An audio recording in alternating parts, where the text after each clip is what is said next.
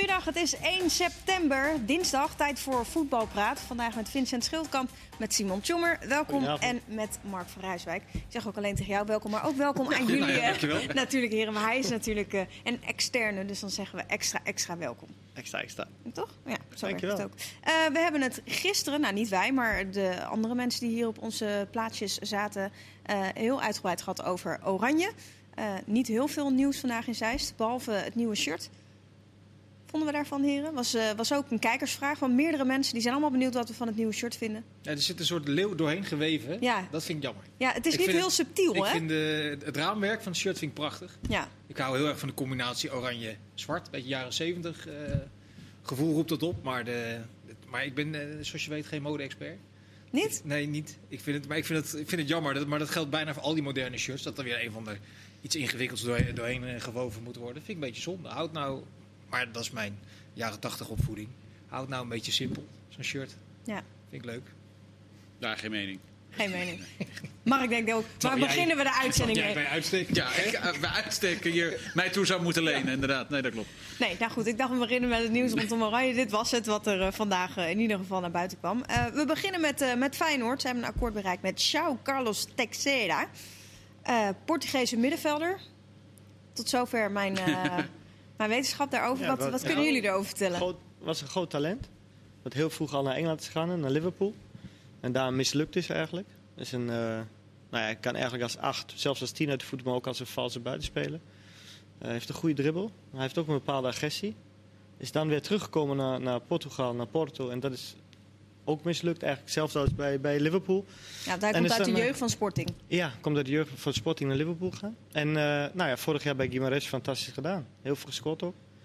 En eh, nou ja, uit Portugal, ik heb toevallig meteen contact, omdat je zei dat we het daar Dus niet zo over zouden hebben. Maar het was niet toevallig. Contact opgenomen in Portugal. En daar, een scout van mij die zei dus dat, eh, dat we veel kunnen verwachten. Hij is echt aan het opbloeien. Hij is nu wat volwassen aan het worden. En ja, kan inderdaad eh, leuke dingen laten zien. Kan het op de plek ook van Kukcu. En eventueel, ja, dus hij kan dicht, dicht tegen spits aanspelen, maar ook eh, erbij komen. Ja, hij kan, eh, de beschrijving is eigenlijk zo dat hij op 8 zou kunnen spelen. Dan wel een offensieve 8. Dus zeg maar als je met een punt naar achteren speelt, een 8. Of als 10. Of zelfs als valse buitenspeler. Ik bedoel, daar is natuurlijk ook bij Feyenoord nog een beetje gebrek aan wat ze kunnen gebruiken om daar een speler te hebben die het extra kan creëren. En hij scoort ook nog. Ook Ja. belangrijk. Ja, we, hebben, we hebben vanavond wat beelden zitten bekijken van Ja. die van Teixeira. Het is wel een jongen met hele natuurlijke, mooie, eh, soepele loop. Daar Kijk dan als eerste naar. Motorisch ziet het allemaal wel goed uit. Nou, hij heeft inderdaad wel aardige statistieken eh, het afgelopen jaar over. Ja, het was wel voor het eerste seizoen eigenlijk dat hij echt ging scoren. Ja. Daarvoor was het nooit Ja. zo. Maar het is ook in leeftijdsopbouw, vind ik, jongen 27 zeg Ja. ik zeg ik uit mijn hoofd. Weet je, ze hebben vorig jaar natuurlijk die eh Usha Cup erbij gehaald toen, toen de mogelijkheid zich aandiende. Ik denk wel voor een middenveld, als je niet zeker weet of het een basisspeler wordt, maar wel eentje die een middenveld onder druk kan zetten, of basisspelers ook beter kan maken, dat het wel slim is om iemand in die leeftijdscategorie erbij te halen. Wat ze vorig jaar met Usha Cup deden en nu met de Texera. Het is wel, eh, dat vaak ontbreekt dat er vaak nog wel aan bij Nederlandse eh, clubs. Ja, Dat, dat een balans in een, in een, in een, eh, in een selectie, ook qua leeftijd een beetje op orde is. Dat zie je met PSV natuurlijk ook. Die halen die Max eh, binnen. Is ook Ja. vergelijkbare leeftijd. Feyenoord heeft natuurlijk Lins ook al gehaald eh, in die categorie. Je ziet er toch steeds meer. Je, je, moet niet alleen maar kijken naar restwaarde. Want ze leiden die eigen jonge talenten wel op. Die komen wel door bij PSV, weet je wel. Madueke en zo. Dus dan probeer je ook een wat meer ervaren de jongen erbij te zetten. Eh, ja, dat kost dus ook wel geld. Maar ik denk dat die, jonge spelers daar ook weer beter van worden. En je ziet dat, dat het aankoopbeleid niet alleen maar gericht is om nog eens een keer een 19 of 20-jarige te halen. Maar ook gewoon een speler die al 150 Bundesliga-wedstrijden heeft gespeeld. Of inderdaad in Portugal heeft, eh, op het hoogste niveau heeft gespeeld. Dat vind ik op zich wel verstandig. Ja. Ja. Dick, is, Dick is bijna tevreden nu. Hè? Alleen nog een centrale Ja, maar verdediger. en nooit, dan, eh, eh, tevreden? Maar nee, dan komt natuurlijk weer iets nieuws als, Ja. die, eh, als die er is. Ja, en terecht ook, want dat hoort gewoon. Eh, ze hoopten hem wel transfervrij binnen te halen, maar dat was niet helemaal het geval. Maar toch knap dat Feyenoord dan in ieder geval een speler met de potentie, wat ik nu dan van jullie een beetje hoor, binnenhaalt, toch? Ja, nou ja, precies wat Simon zegt. Bij Liverpool had hij een ru- rugblessure. Dus daardoor, eh, mede daardoor niet gered. Maar hij werd zo ongelooflijk hoog aangeschreven. Het rare is wel dat hij dan in Portugal het toch ook nog steeds niet eh, eigenlijk waar heeft gemaakt. Zou je kunnen zeggen tot het afgelopen seizoen. Maar goed, de Eredivisie is wel weer een ander niveau. Dus ik ja, daar, verwa- daar verwacht je dan echt wel eh, wat van. Ja, ik denk dat het voor allebei goed is. Ook voor de spelers zelf, die nu nog een keer laten zien dat hij buiten Portugal wel iets kan bereiken. En nou, Feyenoord wil meer bereiken dan vorig jaar. Ja. De trainer heeft ambities. Nou ja, misschien past dat wel. Moest Misschien is wel iets bij. hè. Nu, met, met het centrum, de centrale verdediger, duikt daar Burger ineens op. Maar Eh, jullie kennen advocaat ook vrij goed. Dat, dat ziet hij denk ik toch niet als een serieus, echt alternatief voor een centrale verdediger die hij in zijn hoofd heeft, dat hij die wil hebben. Dus daar zal er echt nog wel iets bij, eh, bij komen. Alleen, per toeval kan natuurlijk wel iets moois ontstaan. Hè. Je hebt Met Koopmeiners gezien die het centraal achterin bij AZ ineens eh, prima deed. Schöne ooit bij Ajax op een positie terechtgekomen is. Het ook per toeval ontstond eigenlijk in een bekerwedstrijd. Dus misschien is dat ineens wel een positie waar Burger zich meer op zal richten, moeten richten, dan op het middenveld, nu die Texera erbij In ieder is. geval om een kans te krijgen. Ja, om een kans te krijgen. Want ik denk voor het middenveld dat zijn handelingssnelheid misschien toch net iets te kort schiet. Ik weet niet hoe jij, daar- hoe jij daar tegenaan kijkt voor, bij Wouter Burger. Ja, ik denk, dat, vooral- ja, ik denk vooral dat hij, hij moet gewoon heel veel spelen op hoog niveau. Eh, je ziet bij hem inderdaad, ik heb een aantal wedstrijden van hem vorig jaar gezien, maar ook in, in Jong heb ik hem zien spelen, of bij Nationaal Elftal. En was nog niet eens jong, was volgens mij onder 19, eh, waar hij ook speelde. En daar was hij wel een leidende speler, een dragende speler ook, waar veel op liep. Maar inderdaad was dan vaak, speelde tegen Mexico, zag ik het, als de Mexicanen dan heel kort erop zaten, was het toch wat moeilijker. Als hij wat ruimte had, had hij goede overzicht, kan heel goed voetballen. Dat is ook centraal Ja, maar goed, je ideaal voor. Ja. Ja, dat weet ik. Ik weet dan ook niet of hij de wendbaar de snelheid heeft om dan tegen een spits direct Maar te je weet, spelen. je weet hoe advocaat speelt. Hè? Als, Ja. Die trekt zich over het algemeen vrij ver terug op de eigen helft. Komt niet met heel veel ruimte zijn rug te spelen. Denk ik dat hij dat op zich prima zou, heel zou kunnen.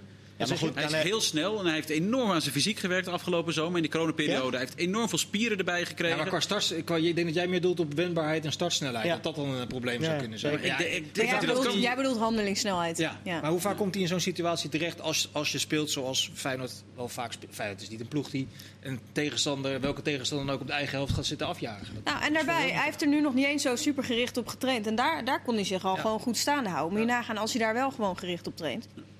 Ik denk dat Feyenoord het wel redelijk voor elkaar heeft hoor, zo langzamerhand. Ja, zien jullie Feyenoord echt als titelkandidaat? Ja. Ik wel. Als, Ja, als, zij- als, als oud- zij, niet- Ajax nummer 1, maar Feyenoord zit er wel achter. En ik schat ze op dit moment je hoger zit, in... je zit Feyenoord achter Ajax, niet PSV. Nee, ik schat Feyenoord ik op dit moment hoger in dan ook PSV achter. Ajax. ja, ik denk dat het met het hele Schmid-verhaal dat het echt wel twee, drie maanden kan gaan duren voordat ze dat echt goed voor elkaar hebben. Maar wie dan heb jij dan, kampioenschap- wie heb jij er dan achter? Ja. Nee, PSV. Nou, dat vermoeden had ik al niet dat, Absoluut. dat hij dat ging zeggen. Nee, ik ben, eh, ten eerste ben ik gesummeerd van de trainer. Goed op die alles zo kan omzetten zoals hij dat eh, daarvoor heeft gedaan bij, bij Red Bull bijvoorbeeld, ook bij Leverkusen. Of hij dat zo kan omzetten bij, bij PSV. Maar denk je dat hij dat in zo- zo'n korte tijd kan? Want het is wel een hele Ja. grote omzetting natuurlijk. Ja, ik denk dat hij dat eh, voor elkaar krijgt. Ik Maar denk, krijgt hij dat ook voor elkaar? Dat, dat- waar ik me het meeste zorgen over maak bij PSV is dat blok van vier. Twee centrumverdedigers en die twee daarvoor. He- Heeft PSV nu de spelers? u- Überhaupt Dat heb ik niet twee? gezegd. Nee, maar, ja, maar dat is dus wel het punt. Ze kunnen er misschien nog wel één halen. Maar je of haalt een centrumverdediger, maar dan kom je eigenlijk een controlerende middenvelder tekort. Of je haalt een controlerende middenvelder en dan mis je eigenlijk een centrumverdediger. Ik heb het gevoel dus dat je hoe dan ook dat heel moeilijk voor maar elkaar en gaat waarom krijgen. kan je niet allebei halen? Ja, omdat je nu ook al 8 miljoen Ja, hebt uitgegeven. Dus ik, eh, ik denk dat Nou, dat... kijk, eh, nummer één, wordt. ik denk dat het belangrijkste bij, eh, bij PSV is ook nog in de speelwijze van de trainer dat je een middenvelder hebt die echt de meters kan maken. Kijk, hij heeft echt een. eh, nou, we weten allemaal volgens mij dat, eh, dat Guus Stil ook wel een interessante speler is voor, voor een club als PSV. Vooral in, de, in het loopvermogen ook. Nou, ik denk dat zo'n speler goed zal passen bij, bij het huidige PSV. En dan kan ook bijvoorbeeld de, de creatievelingen hebben wat meer vrijheid als je er iemand hebt die de Die, kan die hebben ze nu toch niet in de selectie? Nee, dus ik denk dat daar vooral eh, de toon ligt ook bij PSV om die nog dan te vinden en, en toe te passen in de selectie. Maar nogmaals, ten eerste gebeurt het allemaal nog. Ik ben ook nog benieuwd of iedereen blijft bij PSV. Dat moeten we ook nog afwachten. Ook bij Feyenoord. Ik denk dat de, de transferwindow nog relatief lang duurt. Ja, want voor Tot- de helderheid tot loopt het vlak aan 5 het oktober. 5 oktober. Precies. Normaal Dus- was het nu eh, rustig en dan Ja, konden we nu heel rustig. makkelijk Maar wij beginnen voeren. nu. Dus Ja. nu is het eigenlijk het begin van wat gaat er allemaal gebeuren. zien we ook met Donny van der Beek. En ik denk ook dat bij beide clubs nog iets gaat gebeuren. Feyenoord heeft wel goed op elkaar, maar PSV is uiteindelijk de sterke selectie. Nou ja, weet je, als, Trainer. als, als, als Berghuis eh, overmorgen naar Everton vertrekt, dan Ja. wordt het een heel ander verhaal eh, bij Feyenoord. Hoewel dat Ja, dan ook wel weer eh, financiën zou opleveren waar je misschien kan doorinvesteren in een elftal. Maar dan zijn ze wel echt eh, een behoorlijk eentje Ik, achterop. ik maar vind als wel, het- als je naar Feyenoord echt kijkt en je baseert het op elf spelers... en ik snap dat daar een seizoen niet op gebaseerd is... maar dan heeft Feyenoord echt wel een kampioenswaardige ploeg, vind ik. Alleen, ze moeten natuurlijk Europees spelen... ze moeten superveel wedstrijden spelen Ja, dan, vind ik dat je veel één, meer. dan vind ik dat je één stapje te ver gaat. Ik vind nog steeds dat Ajax wel een, een bredere en ook een kwalitatief betere selectie heeft dan Feyenoord. Alleen Feyenoord, als het... Als het Ja, als tuurlijk. het, Maar eh, ik denk dat ze wel echt met wie ze hebben... gewoon bij de eerste 11, 12 misschien... Is wel, hebben ze echt wel Nee, een ploeg die mee- ze makkelijk mee kan doen. gevrijwaard blijven van schorsingen en blessures, kunnen Ja, ze, alleen kunnen dat gebeurt natuurlijk nooit een heel seizoen. Eh, nee, nee. De Nee, ik- allerbelangrijkste positie bij Feyenoord, als Jurgensen de oude Jurgensen wordt, daar gaan ze echt meedoen. Helemaal Als dat niet gebeurt, gaan ze niet Die moet fit blijven. Maar kijk, ver- vergelijk het met, je kan Feyenoord vergelijken met een, met een bokser die het seizoen misschien begint als met één arm op de rug, maar wel een hele taaie bokser. Dan kan je lang blijven staan, eh, veel ontwijken. En uiteindelijk heb je één tik nodig aan het einde om dan, om dan eh, toe te slaan. Je zit me aan te kijken. Mooi die Ja, ik- helemaal, ik- eh, ik zit te denken, ik gaat. Metafoor, ik kreeg echt Simon, heb jij nog een metafoor die nog passender is? Maar is, je zegt is Jurgensen. is. Ja, ik denk Je- dat Jurgensen heel maar belangrijk is, is Bozenik niet ook heel belangrijk voor Jurgensen? Dat die... Bozenik draait natuurlijk op zich. Die heeft begonnen lekker in de voorbereiding. Dat Ja, Jurgensen daardoor ook denkt van... Hé, wacht even. Iets meer scherp Er moet een tandje bij. Ja. Nee, zeker. Ik ben sowieso, dat hebben we vorig jaar al gezegd, toen, voordat Bozinik kwam, heel gecharmeerd van de goalscorer Bozinik. En dat kan voornamelijk toe pas komen, ook als Feyenoord op de helft van de tegenstander speelt. En veel in de 16 komt, veel rond de 16 van de tegenstander speelt. Daar is hij gewoon onwijs gevaarlijk. Hij staat heel vaak op de goede plek. En dat maakt hij zo ook. Alleen in het spel van Feyenoord, ook tegen tegenstanders die dan iets meer brengen dan alleen maar op de eigen helft staan. Daar moet je ook een spits hebben die mee kan voetballen en die het verschil kan maken. En dat is Jurgensen. Ja, maar Dus de extra punten om echt mee te doen, moet Jurgensen brengen. En niet ik, ben ik echt volledig met je eens. Want Feyenoord komt met Jurgensen, als hij goed en fit is, veel makkelijker aan voetballen toe dan met Bozenik. Van, van wie je echt niet weet welke kant hij oploopt, wanneer hij dat doet en hoe hij het doet. Eens, hij maakt makkelijk doelpunten. Zat hem ook niet tegen in de wedstrijden die hij meedeed vorig jaar in de Ja, maar dit doet hij altijd al. Ja, nou, dat valt ook wel mee. Heb Nee, vorig seizoen, dan. Vorig seizoen heeft hij eigenlijk in de Ja, Slovaakse maar waar, ik denk dat als je, als je dat Bozenik een betere doelpuntenmaker is dan Jurgensen, maar Jurgensen op alle andere facetten in het spel beter is. Ja. En ervoor zorgt dat als je met Jurgensen kan spelen, dat zowel Berghuis, Linsen als Toornstra meer doelpunten maken dan als Bozenik daar staat. En dat, is, dat is een beetje moeilijk te bewijzen, maar dat denk ik. Ja. Ja, wat zeg je? En Ik ben met je, en. Ja, ja. Ik ben het met je eens. Wat vervelend. Wat zijn we elkaar eens tegen Ja, dat is heel vervelend. Dat is niet normaal. Ja. Maar ik denk, ik, dat is de belangrijkste uitdaging van Ajax, is als je, als je me nu vraagt. Meer dan AZ en PSV. Backs blijft wel een probleem natuurlijk. Eigenlijk beide backposities bij Feyenoord. Dat is wel, als, ik, als je iets moet halen, dan zou nee, die blijven er niet het hele jaar geblesseerd. Haps en uh, Malaysia. Nee, wou ik net Nee, maar ja, rechtsback, Nee, maar rechtsback met ook. Haps is het natuurlijk niet de eerste keer. Nee. Nee, oké. Maar Rechtsback moet, moet ook. Feyenoord dan met drie eh, linker, linker verdedigers? Nee, de- nee, zeker niet. Nee, maar ik- als je nu linker centrale verdediger kan halen, volgens mij is dat gisteren ook, werd het gisteren ook gezegd, een linker centrale verdediger kan halen die ook linksback kan staan. Dat zou, daar zou Feyenoord wel heel erg bij gebaat zijn. Maar ik denk ook dat ze rechtsback, dat is, ja, daar zou je ook nog wel wat kunnen gebruiken volgens mij. Dus dat, het wel- dat ben ik met je eens. Dat vind ik de zwakste positie. Met, met, eh, Nog even, nog even over eh PSV, die dus die Filip Max binnen hebben van, eh, van Augsburg. Dat is dan een linksback. Eh, nou, wat ze nog echt nodig he- hebben, dus iemand op het middenveld. Maar bij wat voor categorie spelers kom je dan nu uit? Moet dat dan is dat dan sowieso op huurbasis? Want heel veel geld hebben ze niet meer te besteden. Ja, dat weet ik niet. Ik verbaasde mij dit al dat je 8 miljoen voor een linksback kan betalen. Dus jij, dat is voor mij niet in te schatten. Zeker niet na die coronaperiode, hoeveel geld er nog is. Maar ik mag toch niet aannemen dat ze nu al hun geld eh, hebben besteed aan een linksback. Over wie wel hele, als je ook alles ziet, geweldige trap. Hij heeft dus zijn voorzet is goed. Zijn, hij kan inscoren en hij heeft een goede voorzet. Nou, dat past heel goed volgens mij in het Nou ja, dan hebben we straks de linksback en een rechtsback Ja, als de topscorers bij Hij had, PSV. hij, had, hij had nog betere cijfers eigenlijk dan Dumfries. Ja. Eh, op Bundesliga niveau zelfs, qua doelpunt en assist. Dus dat, is, ja, dat voegt echt wel wat toe aan PSV. Want ja, was wel afgelopen seizoen duidelijk. Je zag het toen die Rodriguez daar ging spelen. Wat een enorme verademing dat was. En dat, toen was daar gewoon rust. Dus je zet er gewoon iemand neer die weet wat hij doet. Die geen gekke dingen doet. En die hele ploeg ging gewoon beter voetballen. Want Ja. je had geen problemen meer dat, dat je constant het gevoel dat, dat, je, dat de rechtsbuiten van de tegenstander een eh, vrije avond had. Ik kan me overigens niet voorstellen dat die Dumfries daar blijft. Dat is toch het hele DNA van die speler is toch gemaakt voor de Premier League. Zijn loopvermogen, zijn... de- de- de- Vind je niet?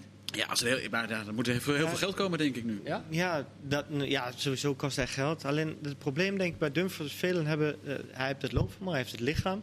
Hij heeft vorig jaar onwijze statistieken gegeven, eh, gehad ook. Met score, met voorzet, met assist. Ehm, alleen ik denk dat de twijfel nog steeds bij sommige clubs is, maakt hij dit weer waar?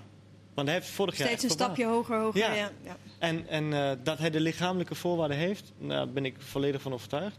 Alleen het prijskaartje en dan een verwachtingspatroon, denk ik dat daar nog clubs op schrikken. En de Engelse clubs weten nog helemaal niet precies hoe ze hun geld kunnen besteden op dit moment. Dus dat Nee. speelt ook nog een rol mee. Dus dat komt pas later in de transferperiode. Er zijn maar een paar clubs hè, in Engeland. Dat is heel apart. Je hebt eh, ik geloof vier, vijf clubs die geld nu hebben uitgegeven. United, Leeds. Chelsea. En dan, eh, Chelsea, Chelsea heeft heel veel wat. geld Ja, uitgegeven. Chelsea mag je niet mee rekenen. En City. Maar een hele hoop clubs in Engeland die hebben gewoon nog helemaal niks gedaan. Echt 0 euro uitgegeven. Chelsea Meer dan de helft van de, richting- van gaat de richting de Premier League clubs. 280 miljoen als die Ja. Harvards eh, Ja, binnen. dat is Ja, bizar. maar Het die hebben, die, echt hebben, bizar. die hebben twee transferwinners gewoon kunnen sparen. Ja, Die hebben Dus alles die op, eh, het op de doen. zij gelegd en hebben Ja. nu eh, eruit gegooid. En eh, bij, wat natuurlijk is, bij Leeds komt natuurlijk een onwijze bolwerk, een, een traditieclub terug. Waar ik heel blij mee ben in eh, de Premier League. Het is echt mooi dat ze terug zijn. City heeft ook, die, hebben ook, die hadden heel veel geld opzij gezet voor het geval dat ze problemen, problemen kwamen vanwege die hele rechtszaak tegen ze. Vanwege de, Maar dat is allemaal goed afgelopen. Daardoor hebben ze nu ook weer dat geld te besteden. Waardoor ze nou, misschien dus wel Messi eh, gaan halen. Maar in ieder geval ook daar zelfs de middelen voor hebben. Dus het is allemaal wel logisch. Maar het is wel, meer dan de helft van de clubs heeft gewoon nog niks uitgegeven. Ja, maar ze hebben, ze hebben eh, ongeveer, als je, als je hoort wat, de- wat de ronde maakt, zijn het rond de 35, misschien 40 miljoen wat ze voor de gehele nieuwe aankoopbeleid hebben. Vroeger waren dat clubs die Ja. hebben dat voor één speler uitgegeven. nou, nu moeten ze dan goed kijken, voordat ze verkopen, aan wat ze met het geld doen. Als ze verkopen, komt natuurlijk weer geld vrij. En je weet ook niet hoe lang het duurt in Engeland de stadions leeg blijven. Daar rekenen ze natuurlijk ook mee. Ja. Daar hebben wij wat ze minder hebben last van in ze hebben Nederland. nog wel steeds die tv-pot hè, gegarandeerd. 150 miljoen. Ja, maar ze hebben ook alle salarissen nog. Die ze Nee, nee, dat, is, ik vind Ja, overigens strepen even gewoon op een gegeven moment tegen elkaar weg. Ja. klein dingetje over Chelsea nog. Ik vind het wel, dat is natuurlijk geroemd de afgelopen anderhalf jaar. eh Lampard, dat die jonge spelers een kans gaf, noodgedwongen, want ze mochten niet, ze mochten niet investeren. Dat vond iedereen prachtig. En nu, en nu, het- nu het, nu ook het jong, kan, weet je, het is nog niet Havertz eens... is ook eh, jong. Nee, maar voor nu- bijna 300 miljoen euro aan Het, spelers. het wordt voor hem het nu gewoon een ander vak. Hij moet gewoon een he- hele andere kant Het van zichzelf gaan laten zien. Ja, maar het is wel, manager wordt echt wel goede spelers, hè? Ziyech, Werner, Thiago Silva is natuurlijk zwaar over, maar die brengt wel qua mentaliteit brengt hij ook iets mee wat je achter neer kan zetten.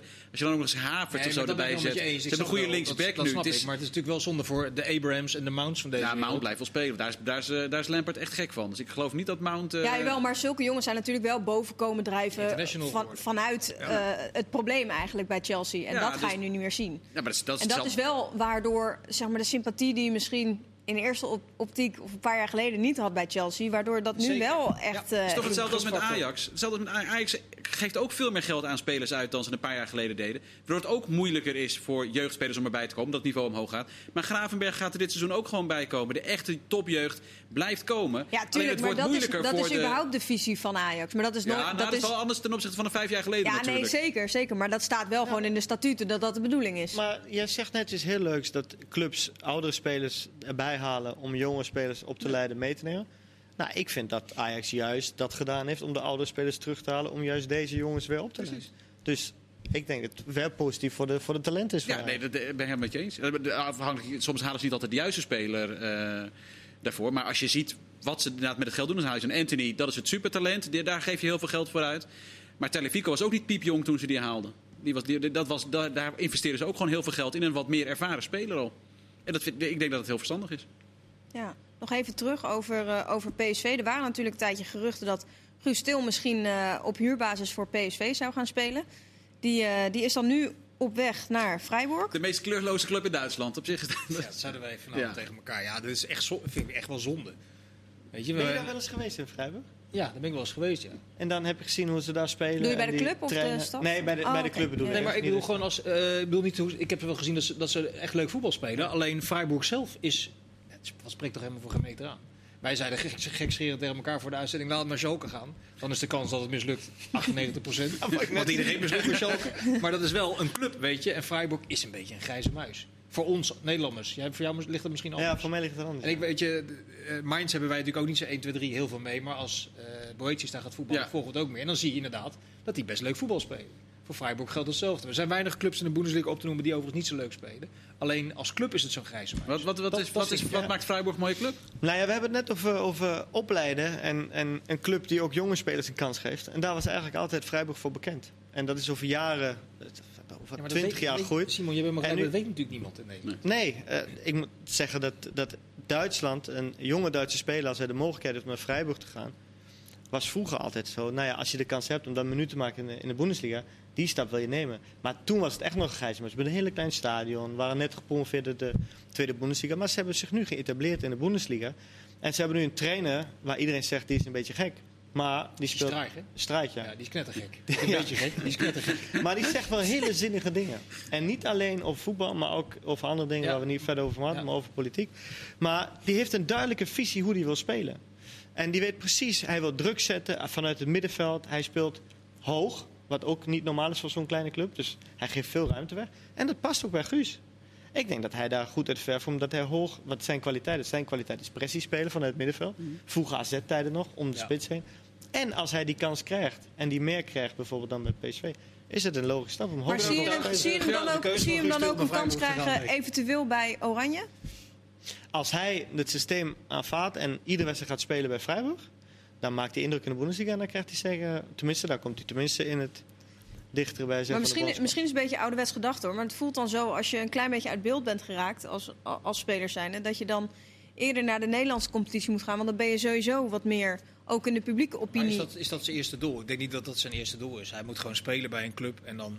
Hij hikt natuurlijk een beetje tegen het Nederlands elftal aan. Als hij bij Freiburg, eh, weet ik wat, 11 of 12 doelpunten gaat maken als aanvallende middenvelder. Dan, dan komt het vanzelf wel op het Nederlands elftal. Ik denk dat het, het zal niet zijn eerste doel zijn. Maar ik denk zeker met spelers die hè, een beetje in, in die tussen. eh, eh, daartussenin vallen. En Dus je ja, weet de- het de nooit met blessures en de zo. Ja, makkelijkere dan- route was inderdaad PSV geweest. Dat denk ik Ja. ook. Daar was, die- daar was hij inderdaad de, de pion geweest die je net beschrijft. Een lopende middenvelder. Dan ben je veel meer in beeld.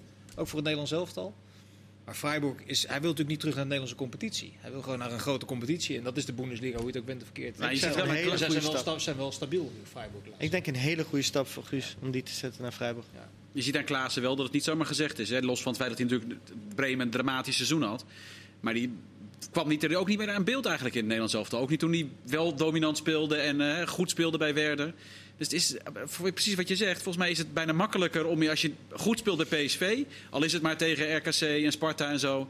dan ben je sneller weer in beeld voor het Nederlands elftal... dan wanneer je stabiel speelt in de Bundesliga. Maar ik denk wel dat de bondscoach duidelijk gekeken heeft naar, naar Klaassen, hoe hij gespeeld heeft bij Bremen. Ik denk dat hij wel in beeld was. Alleen als je kijkt wie die positie invult op dit moment in het nationaal elftal, Ja. is er gewoon heel simpelweg geen plek voor hem. Hij speelt, hij speelt voor En dat de is van twee, Guus eh, op dit ja. moment ook Ja. niet. Als Guus nu goed speelt, aan die jongens die er nu staan, komt hij ook niet eh, voorbij. Maar ja, het, geeft, het zegt natuurlijk veel dat Van der Beek in principe geen basisspeler is in het Nederlands elftal.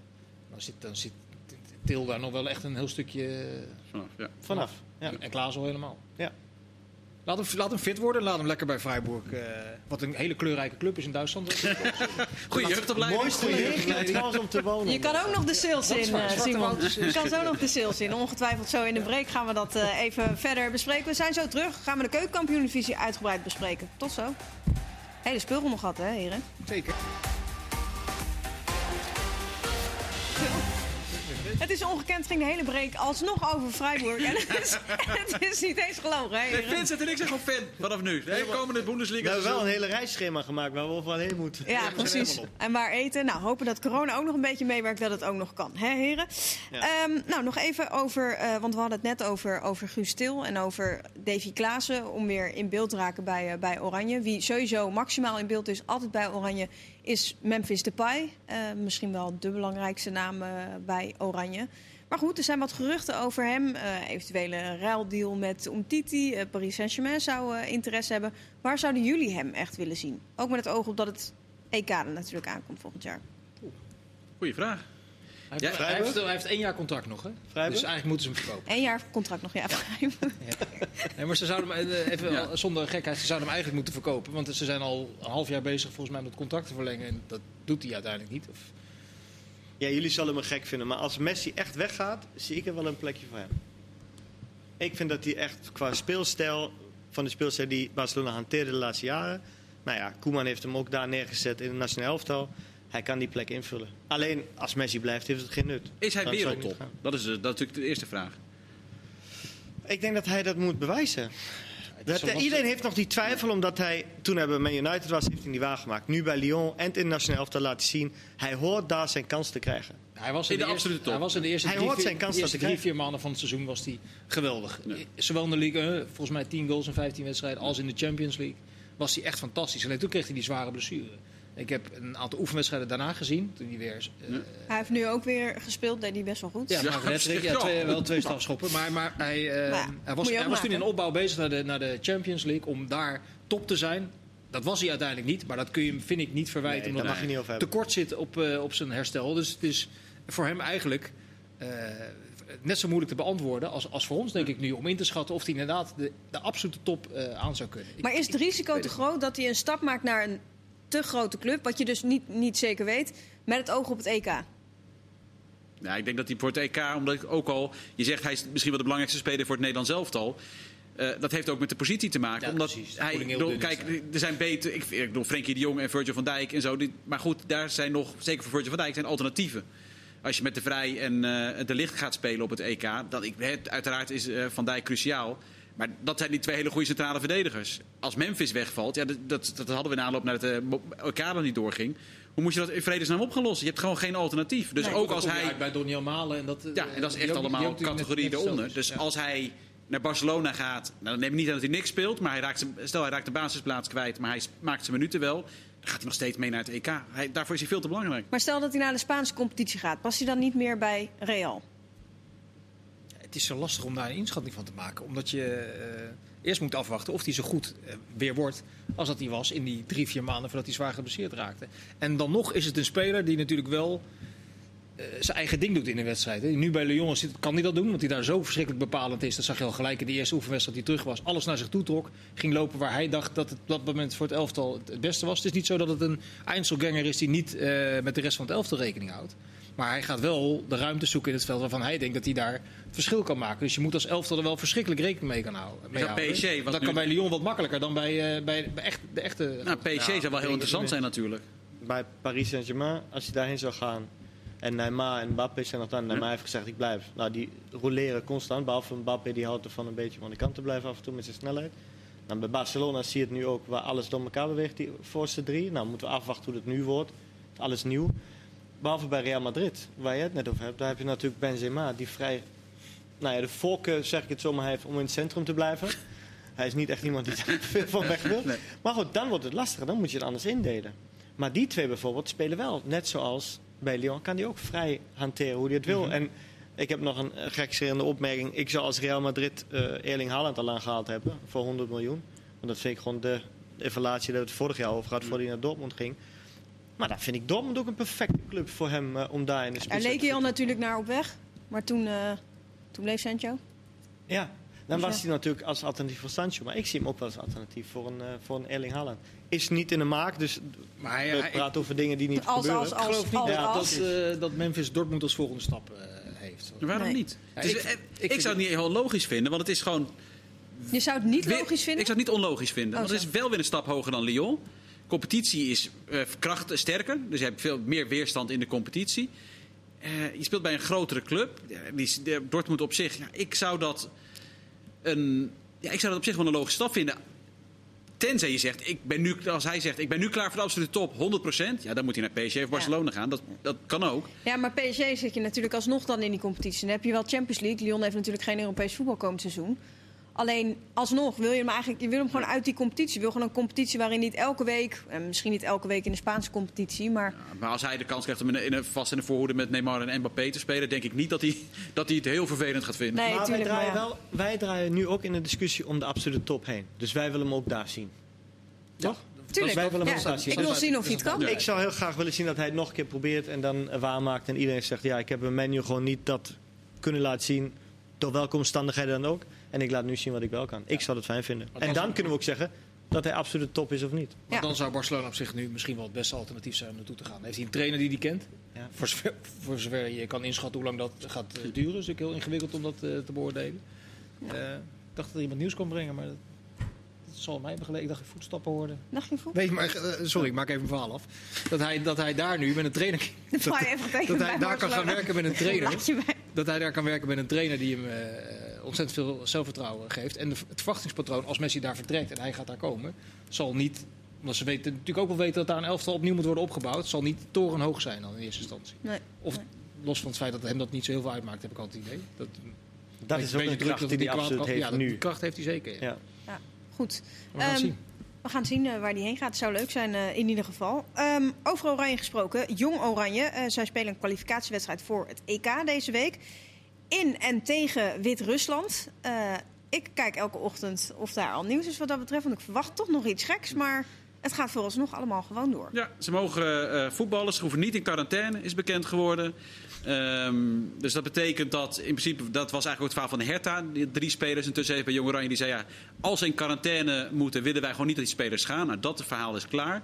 De vraag is nu of Chong van Werder Bremen eh, meegaat. Daar zijn vrij uiteenlopende verhalen over. Werder heeft al naar buiten gebracht. Hij gaat niet spelen tegen Wit-Rusland en wel tegen Noorwegen. Daarvan heeft de KNVB gezegd, oh, dat is nieuws voor ons. Maar we zijn nog steeds in gesprek met Werder Bremen. Maar eh, dat zou zomaar een oplossing kunnen zijn. Maar het is natuurlijk zo'n... eh, Ze spelen ook niet in Minsk. Er was ook nog wat verwarring over. Een hoop mensen denken dat ze in Minsk spelen. Maar ze, spelen nog flink wat buiten Minsk. Tussen Minsk en Borisov ergens in. Ja, het lijkt me toch vrij logisch als de UEFA in deze omstandigheden besluit... om dit gewoon op neutraal terrein te laten spelen. Wat eh corona-technisch veiliger is, maar ook gewoon, gewoon veiliger is. Letterlijk veiliger is. Ja, qua onrust. Gewoon qua onrust. Maar die wedstrijd is over drie dagen, dus dat is bijna niet meer op te Nee, nu niet meer. Dat hadden ze al lang besloten. Maar dat, dit had je toch ook een week geleden kunnen besluiten? is ook bezopen. Het land staat op op het punt omdat er een burgeroorlog uitbreekt. Dus ook eh, tamelijk bezopen dat je daar gaat voetballen. Shakhtar speelt toch ook Ja, geen thuiswedstrijden meer in. Donetsk? Ja, nee, je hoopt zeker dat het niet gebeurt. Maar Nee. eh, Nee, maar Shakhtar speelt ook niet meer in Donetsk. Ik bedoel, dat, ik bedoel dat als het zo onrustig is, dan wordt uiteindelijk op een gegeven moment het besluit genomen van ja, het is heel vervelend, maar dat kan dus niet meer. Ja, ik, dit, ja goed. Ik vind het onbegrijpelijk. Maar ze zullen moeten spelen. Ja. Ja, we gaan eh, donderdag heen, vrijdag spelen, zaterdag terug, dacht ik. Zenden wij uit, hè, trouwens. Zenden wij uit, dus eh, zeker, zeker. Eh keukenkampioen-divisie, eh, heren. Eh, we hebben één speelronde erop zitten. Kijk je moeilijk meteen, eh, Simon? Nee, nee, helemaal niet. Oké. Nee, nee, nee. we Kijk hadden- even goed wat je volgt. We hadden gisteren, eh, we hadden gisteren Kenneth Perez hier aan tafel zitten. Die was... eh, Niet zo nou ja, enthousiast. die, die is enthousiast, die is fan. Eh, ja, zijn jullie ook fan, heren? Waren Nou, het eens ik met Kenneth? Of, nee, was ik het eens met Kenneth? Ja. Laat ik zo zeggen, vooropgesteld. Ik vind het schakelprogramma, dat was een beetje zijn punt, vind ik ook echt het allerleukste om naar te kijken. Ehm, ik snap ook wel de bewegingen van Fox dat je het doet om de supporters te bedienen. Want die Ja, mogen het stadion niet in, zo simpel is het.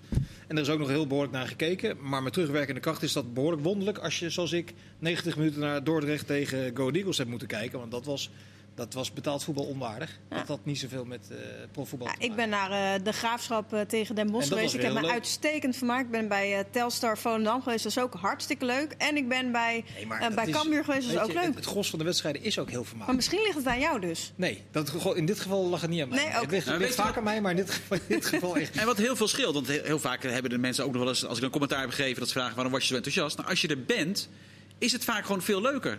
En Zeker als er ook nog, bijvoorbeeld als je bij Cambuur bent, heb je die sfeer. Nou, dat sfeer is allemaal wel wat minder nu. Maar gewoon als je er bent, dan, ja, zo'n wedstrijd is gewoon veel aantrekkelijker om naar te kijken. Ja, en als je thuis zit, dan kan ik me best voorstellen dat je na eh 10 minuten Dordrecht go ahead. En ook, ik was bij Almere MVV, dat was ook niet het grootste spektakelstuk eh, dat ik ooit heb gezien. Eh, Maar als je er bent, dan valt opeens die keeper op van MVV. eh, 19-jarige Belg, of 20 geloof ik. Bill Lathouwers, nooit van gehoord. Nou, die pakt nog even een paar geweldige ballen. Ja, dat is wel leuke speler. En zo haal je, haal je er toch wel weer leuke, Ja, leuke ik, dingen uit. ik weet niet of jullie gisteren Den Bosch hebben gezien, maar eh, ik, ik had, nou ja, vooraf, ja, ik weet dat Den Bosch had echt mega veel spelers die waren vertrokken. Ze hadden er drie voor, voor terug, waarvan twee op amateurbasis. Dus qua verwachting dacht ik een beetje, nou, ja, we gaan even kijken wat dat wordt. Begonnen die eerst zelf superleuk, fris, brutaal, verzorgd. Er zaten echt superleuke spelers tussen. Dat vind ik, met die, zeg maar, dat je nog niet echt een bepaalde verwachting hebt, dat vind ik leuk aan de keukenkampioen. Ja, MVV hetzelfde. Die, hebben, die, die, die begonnen volgens mij met, überhaupt maar met tien contractspelers in de basis. Hun rechtsback speelt er op amateurbasis. Die keeper die verdient bijna niks. Die hebben, eh Dari Kalisic eh, zit daar nu. Die, die heeft er eigenlijk helemaal niks te kiezen. En die spelen gewoon Almere City, wat toch een van de uitdagers bovenin eh, zou moeten zijn. Die spelen het eerste kwartier, nou niet helemaal zoek, ik moet niet overdrijven. Maar die krijgen er echt de betere kans. En die zijn gewoon beter dan Almere City. En pakken gewoon uiteindelijk gewoon een verdiend punt daar. Dus ja, dat- dat, is wel eh, gewoon echt leuk om te zien. Dat je ook op dat niveau, met de beperkte middelen die je hebt, gewoon, ga, maar gewoon lekker voetballen. Nou, je geeft twee dingen aan. Nummer één, de verwachting is heel belangrijk. Wel verwachtingen bij een voetbalwedstrijd. Nou, dat zie je ook vaak al als je internationaal kijkt in eredivisie. Hoe volwassen speelt een team? Hoe bouwt een team op? Nou, ik denk dat Kenneth natuurlijk eh, daar ook heel erg naar kijkt. En dat moet je wel ver zoeken in de eh keukenkampioen-divisie. Alleen, wat jij terecht aangeeft, is ook... de middelen zijn zo beperkt... dat je haast niet Je oudere maken. spelers... je kan bijna geen Ja, rode lijn op wat een trainer... amateurbasis ook. Je kan ook geen het- rode het- lijn van spelers die, die de- het concept van de trainer zeg maar, op het veld nog even omzetten. Die zijn er bijna niet. Ja, nu hebben we Koolwijk bij Almere nog dan. Maar die zijn er bijna niet. Dus het is heel moeilijk om een fatsoenlijke wedstrijd over 90 minuten te laten spelen. Als jij ieder jaar zo'n potje geld krijgt. En, en het gros van de selectie zijn huurspelers of afvallers bij, eh bij eredivisieclubs. En je moet daar iedere keer wat van maken. Ik was bij Dordrecht en nogmaals, die wedstrijd was echt heel slecht. Maar het is ook niet verwonderlijk natuurlijk. Als die Harry van der Ham daar trainer is en die krijgt te maken met een selectie waar 19 spelers zijn vertrokken. Hij heeft er 13 voor teruggekregen, simpele rekensom, hij miste nog 6.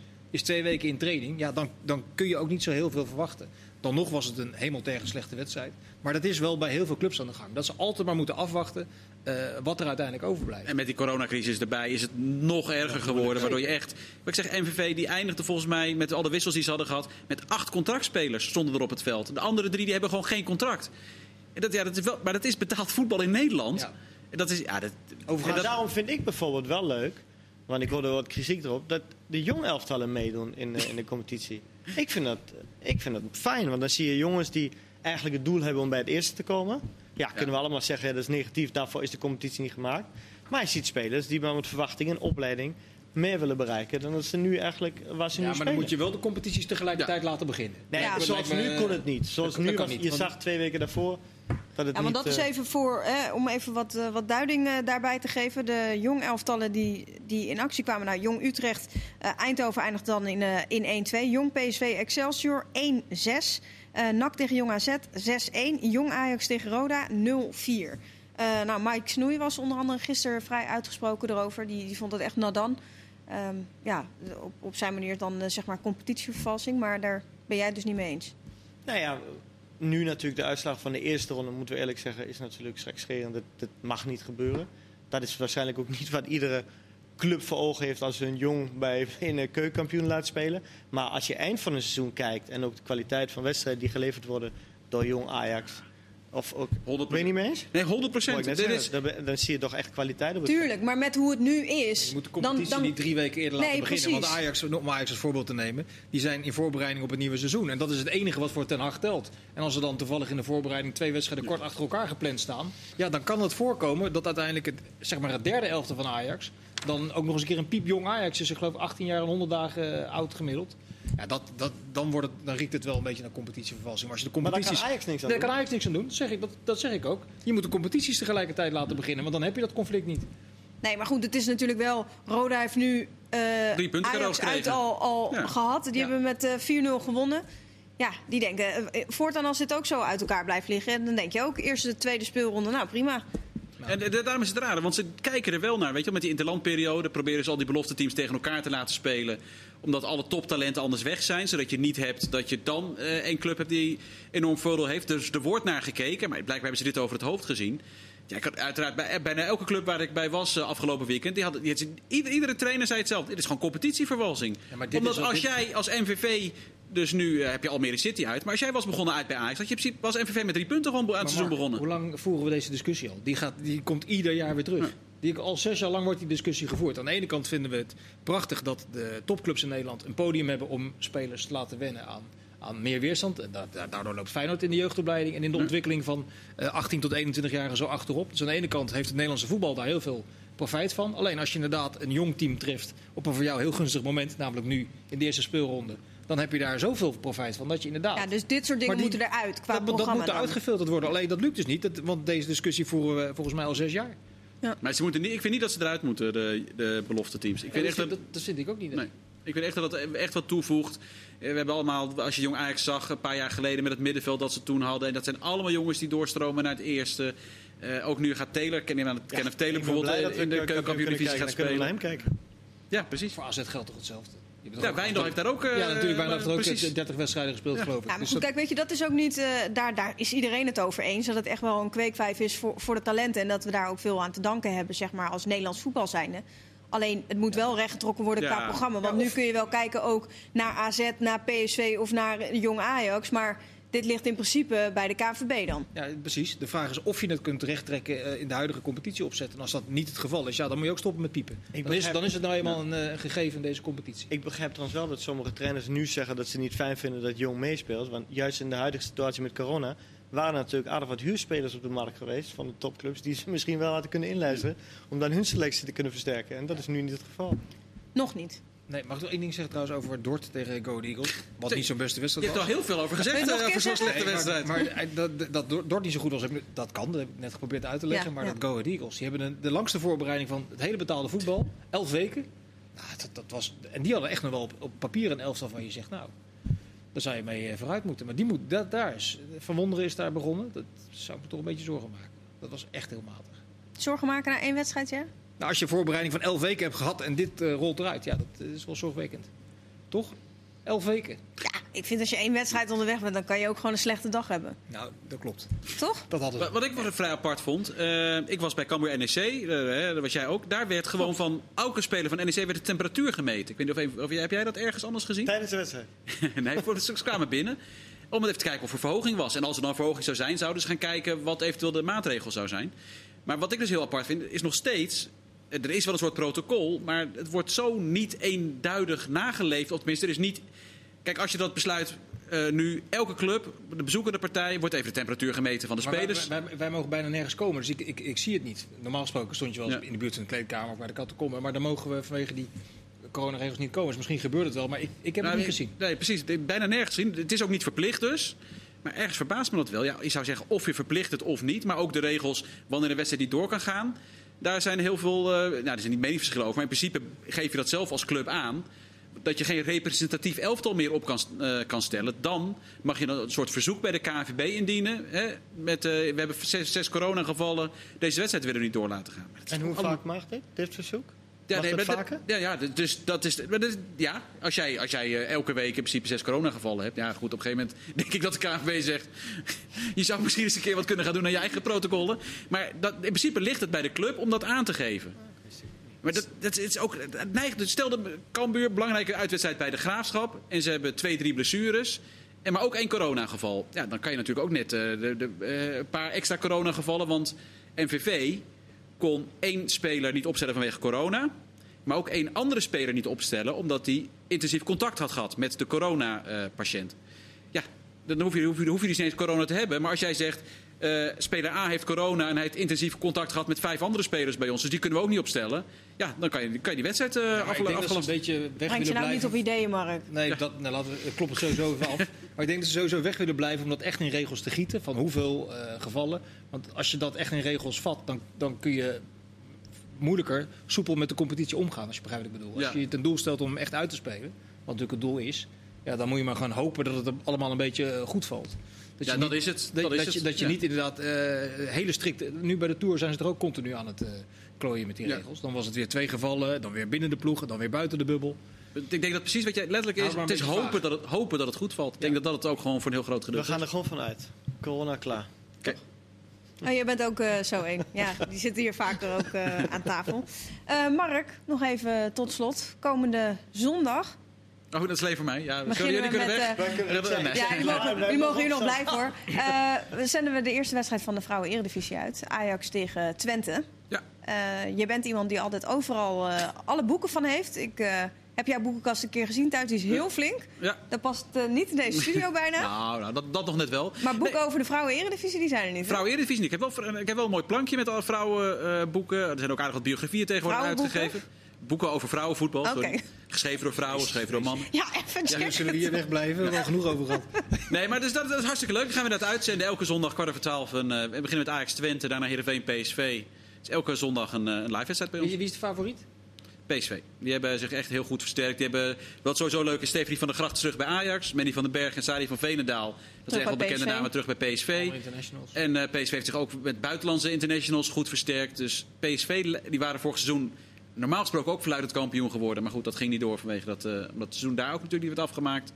Dus PSV is wel eh, duidelijk de favoriet. Ja, wedstrijd wel dat- uitgesteld, dat want weet je, corona Hoe, verhoudt die Eredivisie-vrouw zich nou in kracht ten opzichte van de eh, Dames Premier League of de Franse competitie? Hoe, hoe, hoe moet je die verhoudingen nou zien? Nou, kijk, in de kijk, bijvoorbeeld PSV heeft, PSV-vrouw heeft een oefentoernooi gespeeld in, in Frankrijk. En die hebben tegen Montpellier hebben die, eh, hebben die gelijk gespeeld, 2-2. Montpellier is een topclub. Die waren volgens mij afgelopen seizoen derde of vierde geworden, dacht ik. Maar ze straatlengte achter Lyon. Maar iedereen, Straatlengte achter Lyon, maar iedereen iedereen. ligt de straat- Ja, iedereen. iedereen ligt de wie, straatlengte je- achter wie Lyon. je erbij pakt. Nee, en- maar bijvoorbeeld, kijk, het is, het is Maar wel een je, verschuiven. onderin, onderin eh, de Super League, zeg maar in, in, in Engeland, ehm, onderin, ja, dat, dat met sommige ploegen zou Ajax, PSV, Twente zouden nog best mee kunnen. En met geld, Maar eh, bovenin het is vers- eerst was het Scandinavië, dat is verschoven naar Frankrijk en Engeland. Duitsland En, was ook wel eh, goed, ja, precies, Duitsland heeft het ook goed. Maar als jij gewoon goed geld en je haalt die internationals terug, dan gaat het niveau omhoog. En dan kan het misschien ook wel deels gaan verschuiven naar Nederland. Dat zou gewoon heel mooi zijn. Dat je gewoon betere spelers terughaalt en ook betere spelers weet te behouden. Ja. Nou, Drie dat- kennis zondag. Dat in ieder geval eh, komende zondag met Mark van Rijswijk dus als kenner. Mocht je nog interesse hebben in een eh, midweekje of een weekendje naar eh, Freiburg... moet je dus Simon Tjommer even contacten. Zwarte kan via Twitter, Instagram, misschien je nummer als je even goed je best doet. Dankjewel heren en heel graag tot de volgende. Dankjewel.